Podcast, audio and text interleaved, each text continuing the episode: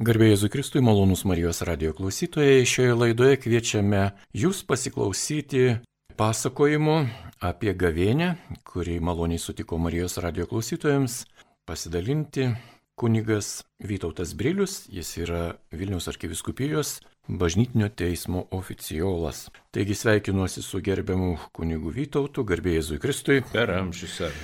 Gavėnė yra septyniarių savaičių laikas iki šventų Velykų, tai yra Kristaus prisikėlimo iškilmės. Ta proga kviečiame jūs, gerbiamas kunigė Vytautai, padėti žmonėms susiorientuoti, atsakant į kai kuriuos klausimus, kurie tikrai yra tapę tiesiog tradicija šiam laikui. Taigi ploštelis klausimų. Kas yra gavėne ir kam reikia gavėnios? Dalinai vienas dalykas sunkus yra, nepasisekė man surasti, ką reiškia patsai žodis gavėne pagal prasme lietuviškai tai viskas aišku, bet iš kur jis atsirado, iš kokios kalbos atėjęs ir, ir ką jis taip reiškia, tai, tai man taip ir liko neaišku. Esmė gavėnios tai yra septynių savaičių laikas iki Kristaus prisikėlimo iškilmės. Tai yra susikaupimo laikas ir pasikeitimo laikas, atsivertimo laikas.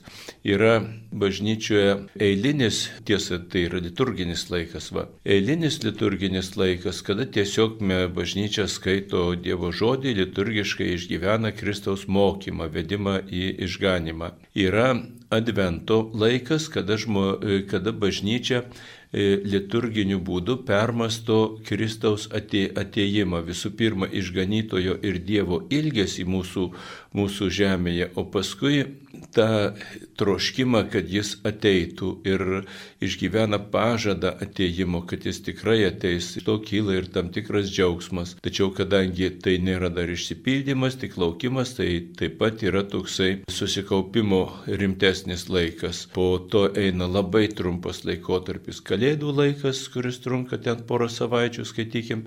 Juo išgyvenamas Kristaus gimimas, jo ateimas, jo buvimas tiesiog žemėje. Paskui gavėnios laikotarpis septynios savaitės. Čia jau atsivertimo laikas, tai yra susikaupimas ne apie išganytojo ateimą ir sulaukimą mūsų tarpe, bet atsigrėžimas į pačius save kuo esame mes, kiek mes esame tinkami sutikti viešpati Jėzų, ko vertas yra mūsų gyvenimas ir ką jame reikėtų keisti. Toks labai rimtas, gražus, kadangi tai yra susimastymo metas, susikaupimo ir savo tuos visus dvasinę tikrovę išgyvenam Kristaus kančios, artėjimo, ką ar skaitiniai rodo tą labai gražiai Kristaus artėjimą į kančią ir mirtį ir paskui kančią ir mirtį. Dėl to tai yra toksai liūdėsio laikas, kadangi mes žinom, kad mūsų nuodėmės visus blogus dalykus atnešė. Kartu yra džiaugsmo laikas, kadangi, kadangi mes turim galimybę priartėti prie viešpaties. Taigi Gavėnios laikas, tai galima būtų pasakyti, kad mes žvelgiame į tuos Kristaus įvykius ir matome juos savęs savo dvasios fone, kuo mūsų dvasia galėtų pasikeisti, kad mes visada būtume ne prieš Kristų, ne abejingi Kristui jo sunkumuose, bet kartu su juo. Nu, jeigu pradėjome apie liturginius laikus, tai dar, tai dar priminsiu, kad yra Velykų laikas, irgi ilgas laikotarpis, e, septynių savaičių, iš esmės jisai kalba apie bažnyčios kūrimąsi ir apie bažnyčios e, pradžią, apie tą veiklą, kam ji įsteigta, kokius uždavinius pildo, kaip Dievas veikia ir duoda viltį, drąsą ir užsidėgymą krikščioniui. Na, o gavėnė yra reikalinga tam, kad mes atsiverstume. Malonus Marijos radio klausytojai, šiandien su jumis laidoje kunigas Vytautas Brilius ir jis pasakoja apie gavėnios prasme. Primena mums, nes daug kartų yra kalbėta ir kiekvienais metais gavėnios laikotarpį krikščionys, katalikai pasitinka su tam tikrais pasiruošimo bei būdėjimo darbais. Ir ką reiškia atsiversti? Žodis atsiversti per gavėnę skamba gana dažnai. Pirmiausia, tai aš Liutaurui dėkingas už tą žodį, kurį pasakė primena. Va, kadangi mūsų bažnyčioje iš tikrųjų aplamai mūsų santykių su Dievu Praktiškai nėra tokių dalykų, kurių mes nežinotume. Viską mes žinom puikiai. Ar kunigai per pamokslus sako, ar popiežius rašto savo raštus, ar apsireiškimas įvyksta kur nors ir gaunam pranešimą. Visur jis, e, sakomi tie dalykai, kurie iš esmės visiems jau seniai žinomi, mintinai išmokti. Tik tai primena, kadangi žmogus amžinai pamiršta ir amžinai nuklysta ir, ir, ir, ir kaip kūdikis nieko nežino. Taigi, Atsivertimas. Toks įdomus žodis, jisai išverstas įdomiai į lietuvių kalbą, kadangi atėjęs iš liturgijos iš lotynų kalbos, tai yra konversijo, konversijo, konvertyrė, atsigręžti. Daugiau reiškia atsigręžti, pakeisti kryptį, o atsiversti verstis kažkaip, nežinau ir panašiai, galbūt atsiverti tarsi knygą savo širdį viešpočiai atviru irgi gražu. Bet atsivertimo pagrindinės prasme yra atsigrėžimas.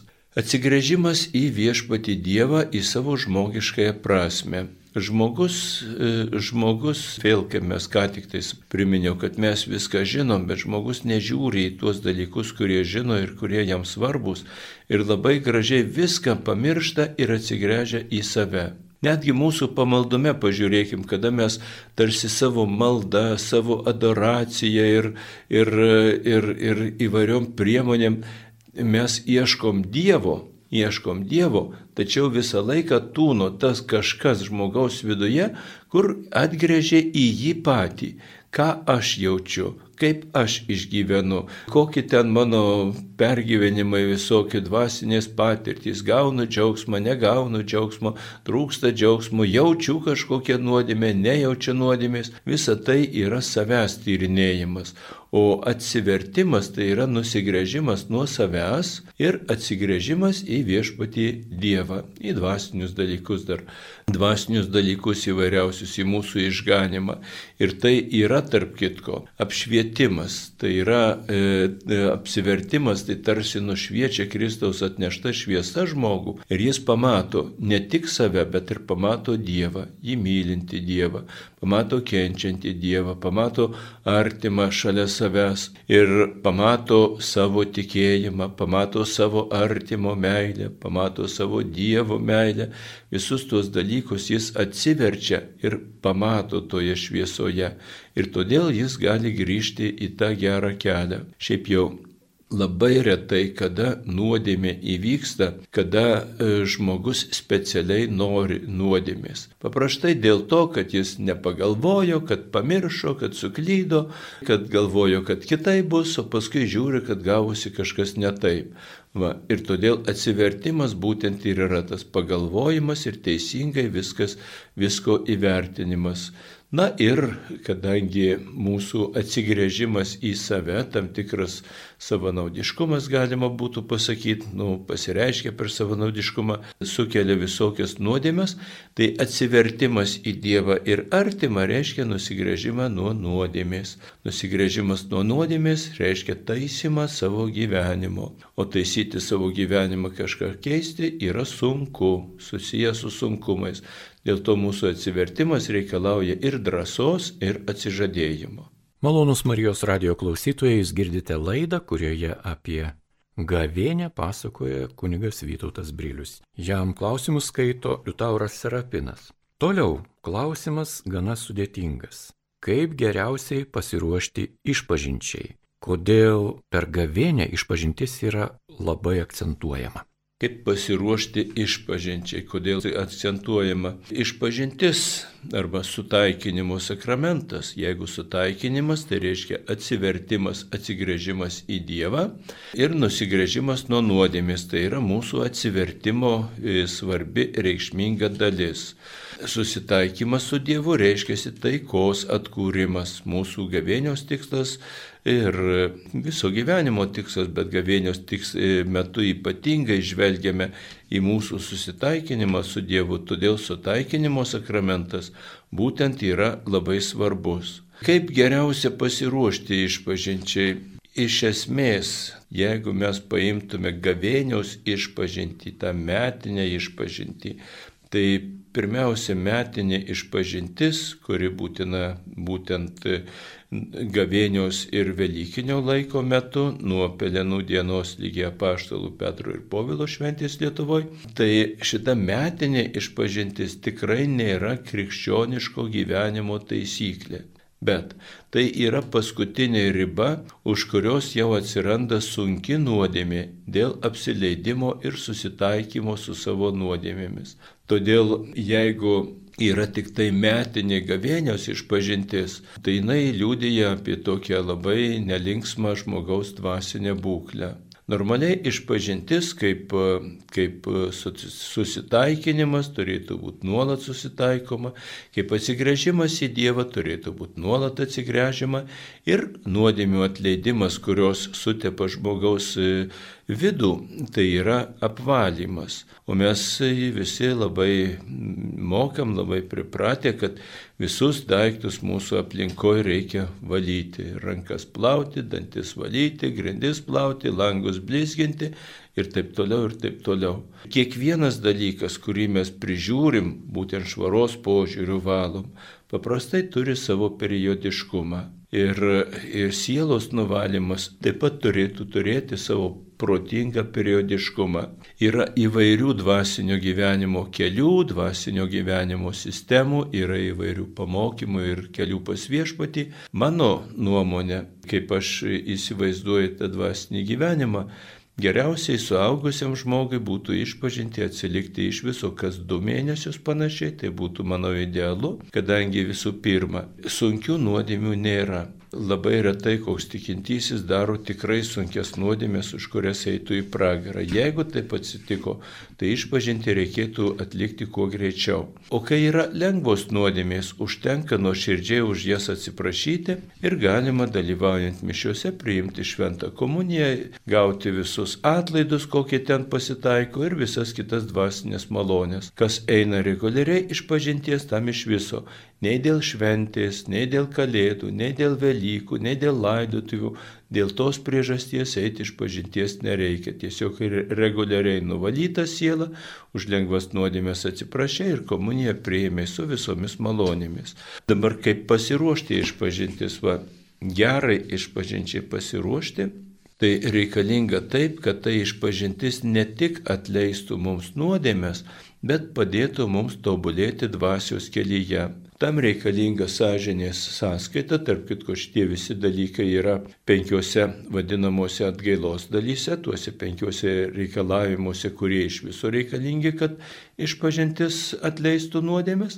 Taigi pirmiausiai nuodėmės atsiminti. Atsiminti pagal galimybės konkrečiai, kur aš negerai, neteisingai darau ant raužės gailėtis, čia yra toks gana suprantamas dalykas, nesunkus, išpažinti irgi pakankamai aiškus dalykas, nesiplėsiu toliau, atsilyginti ir taisytis iš nuodėmių. Va, čia yra labai svarbus dalykas, kad būtų pažanga pasiryžti nenusidėti, atsilyginti ir taisytis. Ir šitas pasiryžimas ir, ir taisymasis reiškia, kad apie kiekvieną savo nuodėmę, ypač svarbesias nuodėmės, pramatai kažkokį tai planą, kaip darysiu šitų, kad šitų nuodėmių būtų mažiau, kad jų mažėtų kad jos nebūtų tokios piktos ir numatai konkrečias priemonės. Ir paskui iš to išplaukia, kam reikalinga būtent kas du mėnesius eiti iš pažinties. Kadangi saugęs žmogus, jeigu jisai kas savaitę, kas dvi savaitės, jis gali nepastebėti dėsningumų, kadangi per trumpas laikas būna tokių dalykų, kurie rečiau atsitinka, tada matai, pavyko, nepavyko. O kada yra pakankamas laiko tarpas, per kurį tu gyveni normalų dvasinį gyvenimą, tai iš tų dviejų mėnesių jau gali matyti, šitas daugėja, šitas mažėja, šita priemonė padeda, šita mažiau padeda. Ir gali kažką keisti, rimtai tvarkyti. Tai todėl, kas šitokiu būdu eina iš pažinties, tai viskas tvarko ir nieko ypatingo e, dėl tos gavėnios išpažinties nereikia. O kas nu, netaip eina iš pažinties, nu tai mano pasiūlymas pagal tą dvasios kelią, kuris man atrodo geriausias, tai geriausia būtų iš pažinties eiti kas porą mėnesių ir tarp kitko tokiu būdu vis tiek bent du kartus per gavėnę ir, ir, ir Velykų laiką išeis atlikti išpažinti ir komuniją priimti reguliariai ir daryti dvasinę pažangą. Tęsime laidą. Šiandien prie mikrofono kunigas Vytautas Brilius ir kalba apie gavėnę. Vienas iš tokių populiarių klausimų, žinoma, yra gavėnios metu ir pasninkas. Kodėl per pasniką, per gavėnę negalima valgyti mėsos, o kaip elgtis, jeigu iš vis žmogus nevalgo mėsos, jeigu jis vegetaras, o kaip elgtis, jeigu nevalgo ir žuvies, ir kiaušinių. Ir tas pasnikas šiuo metu yra žmonėms vis naujai suprantamas. Gerbiamas kunigė Vytautai, papasakokite plačiau apie pasniką. Kad nereikėtų galvoti apie esmę, tai labai lengva prisirišti prie kažkokio ženklo ir sakysim pasnikas, kad negalima valgyti mėsos, bet už tai galima kas turi galimybę, žinoma, per gavėnę gal ne visi turi galimybę prisikirsti brangiausios žuvies, visokių ikrų ir kitokių dalykų, ten pasilepinti ir panašiai. E, tačiau formaliai tarsi būtų išlaikytas. Pasninkas tai yra susivaldymas, specialus susivaldymas nuo kažko. Jeigu paimti bendrą tokį, bendrai priimtą, bet tai nebūtinai vienintelis, nebūtinai nebūtinai būtinas absoliučiai dalykas, bet toks labai lengvai suprantamas, gana lengvai pasiekiamas dalykas, kad pasninkas tai yra susilaikimas nuo kažko. Maisto srityje tai tas vat, plačiausiai paplitęs dalykas, pasninko metu sočiai pavalgyti tik vieną kartą per dieną. O paskui ten kartą, du ar tris galima kažką užkasti, bet sočiai prisikirsti vieną kartą per dieną. Ta mėsa iš kur atsirado?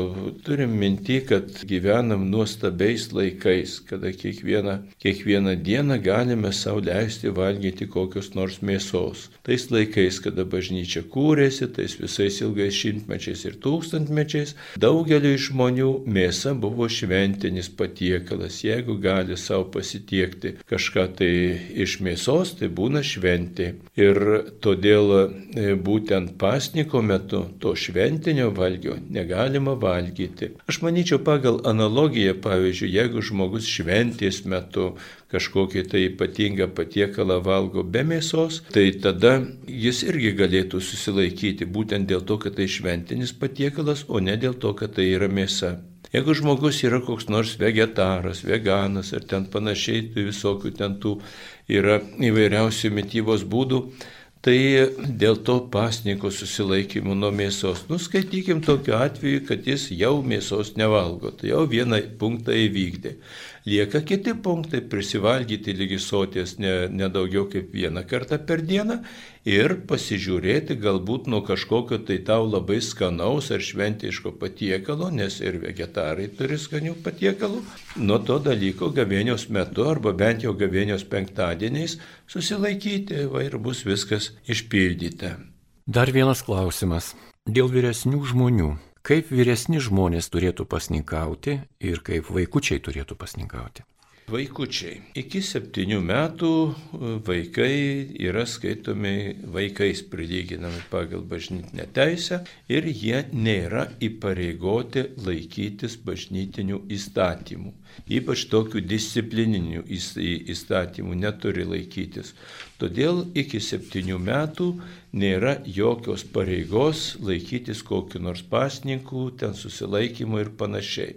Tačiau kad nebūtų taip, kaip dabar dėja atsitinka ir, ir, ir rimtesniuose dalykuose, ne, ne tuose, ką aš suvalgiau, nesuvalgiau, bet tiesiog tuos vaikus žmonės taip myli ir taip saugo, kad nuo bet kokio darbo, nuo bet kokios problemos, nuo bet kokio iššūkio jie yra apsaugomi per visą vaikystę, paauglystę ir jaunystę. Ir kada ateina tas laikas, aš nežinau, 18 metų, sako, dabar viskas, jau tu viską pats gali ir viskas už, pats už viską atsakingi. O jis nežino ir nemoka.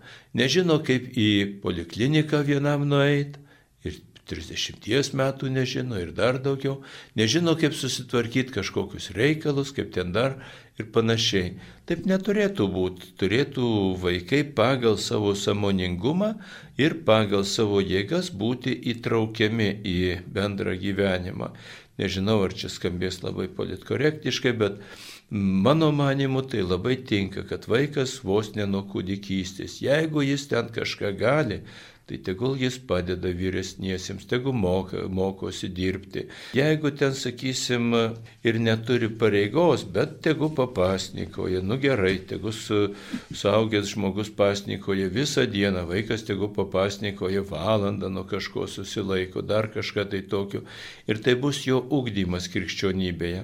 Seni žmonės, vėlgi seniems žmonėms prilygikim, ligonius įvairius, ten ribotus, ribotas galias turinčius žmonės, jie ne viską gali ir niekada nereikalaujama iš žmogaus to, ko jis negali. Jis atsakingas tik už tuos dalykus, kuriuos jis gali padaryti. Ir jeigu ten, sakysim, kažkokie nedavalgymai, ten kažkas tai tokio kenkia tavo sveikatai, arba tau sunku labai laikytis, tai pilnai to nedaryk.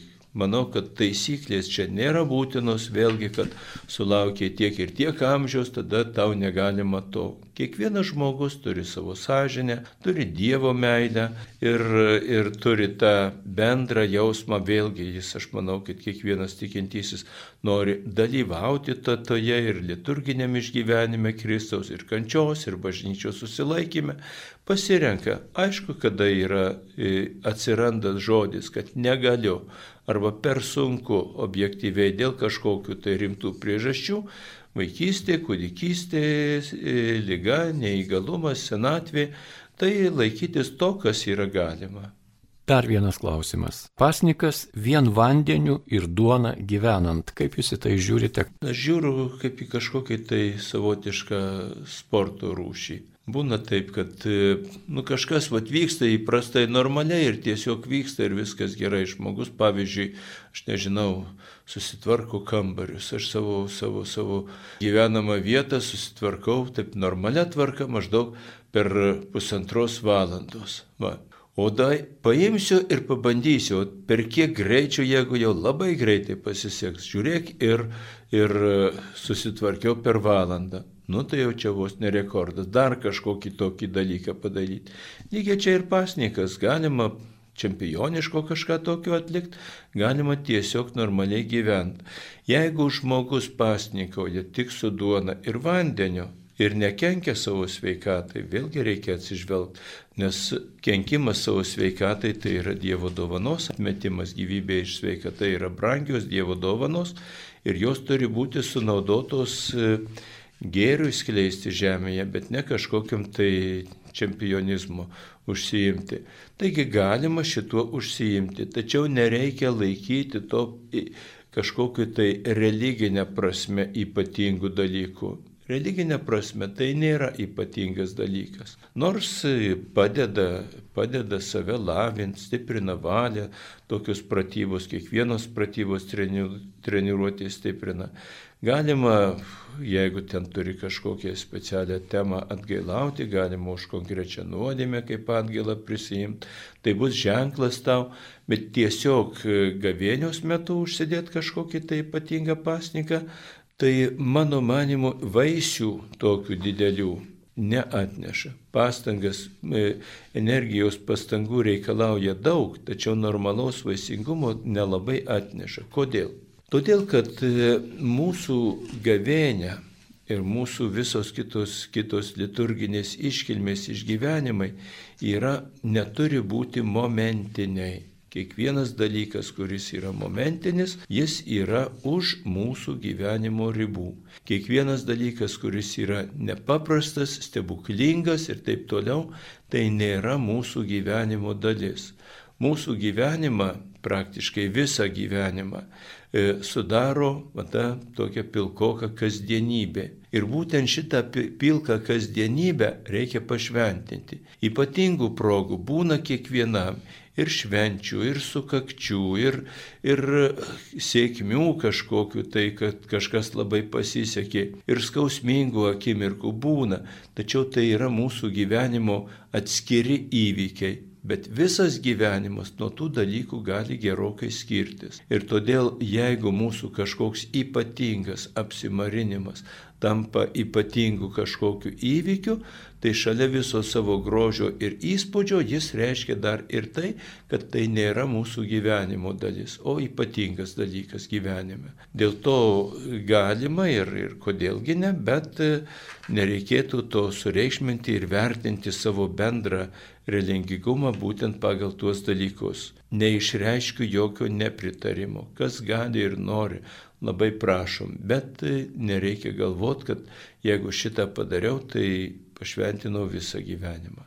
Norėtųsi šioje vietoje užduoti paralelinį klausimą, kuris nėra tiesiogiai susijęs su gavienė ir pasnikų, susilaikymu ir kuo kitu. Jūs paminėjote sportą. O kaip jūs žiūrite į sportininkų tam tikrą metodiką naudoti dopingo preparatus, anabolikus siekiant aukštesnių rezultatų?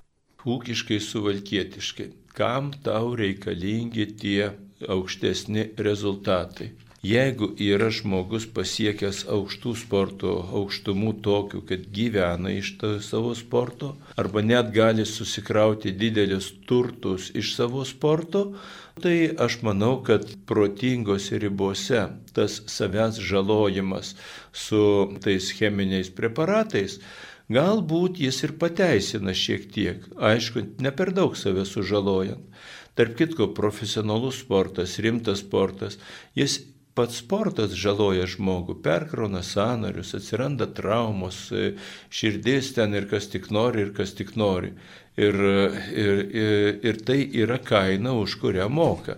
Žmogus mokas kainą sėdėdamas per ilgas valandas, e, ten sakysim, studijose, žmogus moka savo kainą dirbdamas profesinį darbą, kažkuo irgi kenksmingą sveikatą. Tai tam tikrose ribose yra natūralu. Bet jeigu žmogus nori užsiauginti savo kai kurios raumenys, kuriuos visi matytų ir dėl to valgo tuos preparatus visokius, tai paprasčiausiai yra labai kvaila.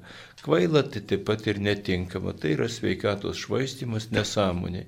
Dėl to, dėl to aukščiausi tie tikrai aukšti pasiekimai šiandien yra nepasiekiami be papildomų cheminių priemonių, kadangi jau seniai prieitos tos natūralios žmogaus ribos, reikia truputį kilstelėti. Ir jeigu protingai, taip kad tu atsportavęs savo tą laiką ir, sunaudo, e, ir, ir uždirbęs tuos savo milijonus, dar turėsi pakankamai normaliai sveikatos e, gyventi ir daryti gerą žmonėm, tai aš nemanau, kad čia būtų nuodėmė. Bet jeigu nėra pateisinamos priežasties šitam dalykui, tada manau, kad yra ir nemoralu, tai yra nuodėmė.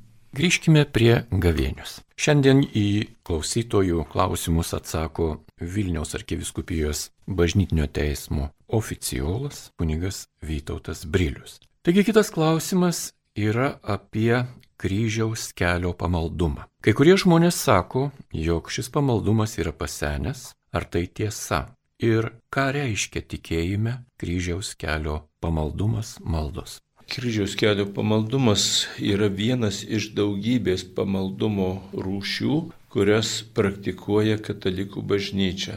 Yra tarp kitko daug pamaldumo rūšių, kurias praktikuoja ir kitos krikščionių konfesijos, ne tik katalikų bažnyčia. Bet kryžiaus kelias jis atsiradęs, nežinau kada, turbūt anksti, nežinau, nežinau kada, arba ankstyvais viduramžiais, arba pirmaisiais amžiais, kada žmonės eidavo prisiminti, čia liturgistai galėtų pasakyti. Kryžiaus kelio esmė yra ėjimas Kristaus kančios vietomis ir jo kančios apmąstymas. Kadangi tas kelias buvo netrumpas, galima sakyti, kad Kristaus kryžiaus kelias prasidėjo galbūt paskutinės vakarienės metu, galbūt malda alyvų sodė ir lygi jo mirties, tai, tai minime ir jo palaidojimą, kaip kai kas e, ir prisikėlimo netgi tokie kryžiaus apmąstymų stotį sugalvoja, nors prisikėlimas tai jau nepriklausytų kančiai. Taigi, tai yra apmąstymas Kristaus kančios, labai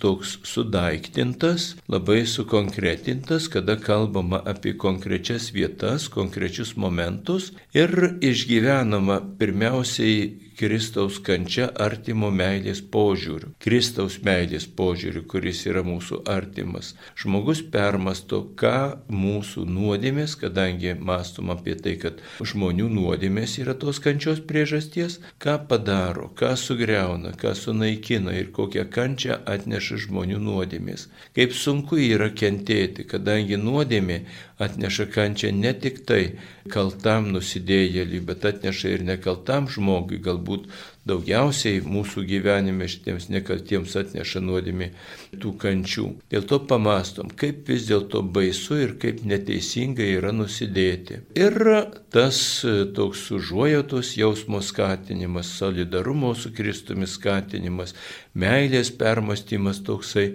jis tikrai duoda atgaivos įtikinčiojo širdį ir padeda jam eiti geru keliu. O dėl to, ar tai yra šiuo laikiškas dalykas, ar ne šiuo laikiškas, manau, kad ne apie tai reikėtų kalbėti. Reikėtų kalbėti, ar tai geras dalykas ar blogas. Nes yra labai daug senovinių dalykų, kurie geri ir mūsų laikais. Pavyzdžiui, valgymas. Žmonės valgė nuo prieš istorinių laikų.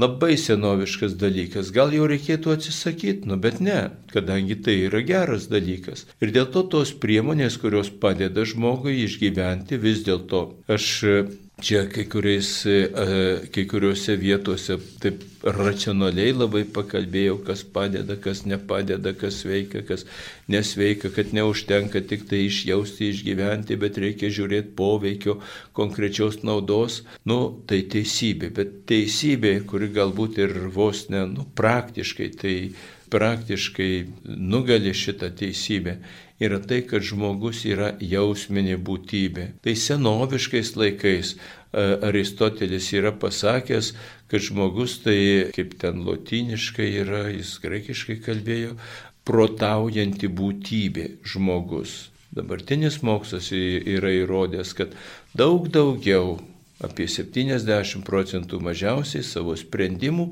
žmogus priima ne, dėl to, kad protų sugalvojo, kad tai teisinga, reikalinga, naudinga, bet dėl savo jausmų, dėl emocijų. Dėl emocijų patinka, nepatinka, sunku ar lengva, yra nuotaika, nėra nuotaikos. Taigi ir tas e, būtent tos nuotaikos ir dvasios jausmo sužadinimas realiai yra didžiulė efektyvi priemonė mums gyventi krikščioniškai. Yra sakoma, jog krikščioniui bent vieną kartą gyvenime reikėtų perskaityti Bibliją, šventą įraštą. Jeigu skaitytume po vieną skirelį, tai reikėtų maždaug apie trijų metų laikotarpio. Gerbiamas kunigė Vytautai, ką jūs rekomenduotumėte skaityti gavėnios metu, o ypatingai kokias šventojo rašto knygas? Praktiškai visas šventasis raštas tinkamas ir gavėnios metu. Jeigu mes pamatysim, paskaitysim va, išminties knygas, tai mes surasime, kaip yra išmintinga būti su Dievu, kaip yra neišmintinga pasiduoti kažkokiai tuštybei. Jeigu mes skaitysime pranašų knygas visokias arba istorinės knygas, mes matysim Dievo meilę, matysim, kaip žmonės ieško Dievo, kaip brangiai kainuoja žmogui surasti viešpati Dievą. Kiek daug žmonių yra sudėję milžiniškas pastangas, o pasiekę labai, labai mažai. Jėzus yra apie tai pasakęs, labai trumpai sako,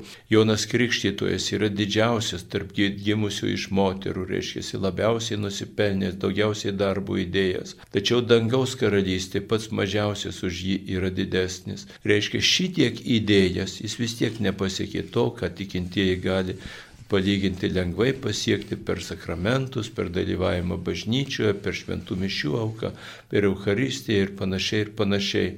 Todėl nu, tas plačiomis akimis paskaitimas iš bet kurios Biblijos vietos, nu galbūt jeigu Evangelijas kalbant, tai Evangelija pagal Joną labai, labai stipri, būtent galbūt evangeli, gavėnios metu.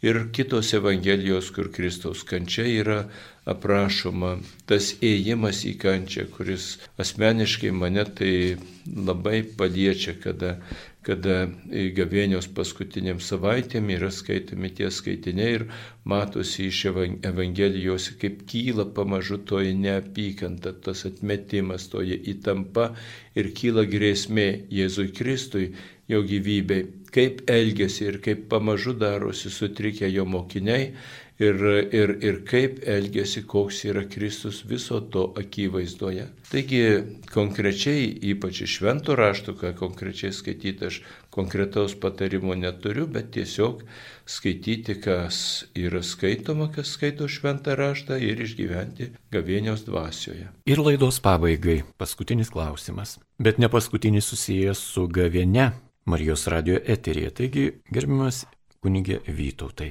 malda gavėnios metu, kokia jį turėtų būti, kokias maldas reikėtų neužmiršti melstį ir kaip laikytis tylos, ramybės šiame triukšmingame pasaulyje. Na, malda, malda Evangelijoje apie vaiko išgydymą, kada mokiniai negalėjo išvaryti piktosios dvasios, Jėzus išvarė, mokiniai klausė, o kodėl mes negalėjom. Ir Jėzus atsakė, kad šita veislė išvaroma tik malda ir pasninku. Čia tuose kituose švento rašto vertimuose, tam vertime, kur šiandien skaičiau, ten vienas žodis praleistas, kad išvaroma tik malda.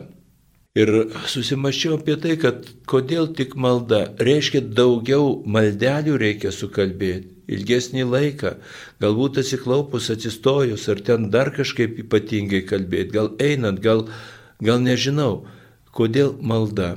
Ir pagalvoju apie tai, o kasgi yra malda? Malda tai yra žmogaus pokalbis su Dievu. Tarp kitko su šventaisiais. Taigi žmogaus pokalbis su Dievu. O pokalbis e, tai nėra, e, kai vienas kalba, daug kartų kalba tą patį, tą patį labai gražius žodžius, netgi kalbėdamas, inirtingai kalbėdamas tas maldas, jisai sukuria savo dvasiui tą triukšmą, kuris neleidžia pažvelgti į save nuoširdžiai. Va. Todėl tai nėra, nėra pokalbis, kai kalba vienas. Pokalbis yra įsiklausimas. Va. Ir pokalbis tai yra bendravimas, o bendravimas yra susivienijimas. Todėl pamaldus gyvenimas tai nėra daugelio maldų kalbėjimas arba kažkokių specialių maldų kalbėjimas. Tačiau tai yra kalbėjimas ir klausimas, vienijimasis su Dievu. Ir todėl žmogus, kuris įsigyvena į maldą, jis panyra į tą vienybę su viešpačiu Dievu ir pradeda galvoti Dievo mintimis ir pradeda rūpintis Dievo interesais ir susivienyje valia. Ir tada ne tik tai žmogus nori kažko pasiekti, bet ir Dievas nori kažko pasiekti. Galbūt tie Jėzos mokiniai, kurie bandė gydyti tą vaiką, galbūt e, jie žvelgia į tuos dalykus kažkokius techniniu būdu. Va, Kristus mums davė galę, tai mes pasakom šitos žodžius ir taip įvyksta. Taip neįvyksta. Įvyksta žmogaus susivienijimas su Dievu.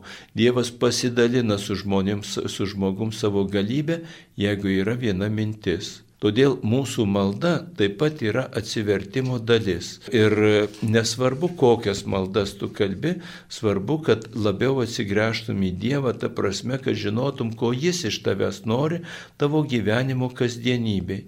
Jis nori, kad nuo tavęs gyvenime darytųsi šviesiau, Labai paprastas dalykas ir labai gilus, verta pamastyti. Va, ir to siekia savo malda.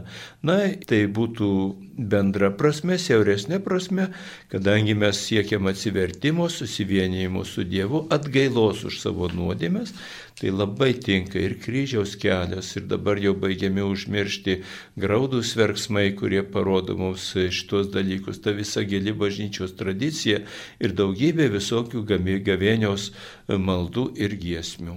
Laida atėjo į pabaigą. Dėkojame Jums, kunigė Vytautai. Gerai, ačiū visiems, kurie klausotės, linkiu visiems vaisingos gavėnios, kad atsigautų dvasia ir kad ta gavėnė nesibaigtų Velykomis, bet atsigrėžimas į Dievą truktų ilgą, ilgą gyvenimą. Tai laimina Dievas.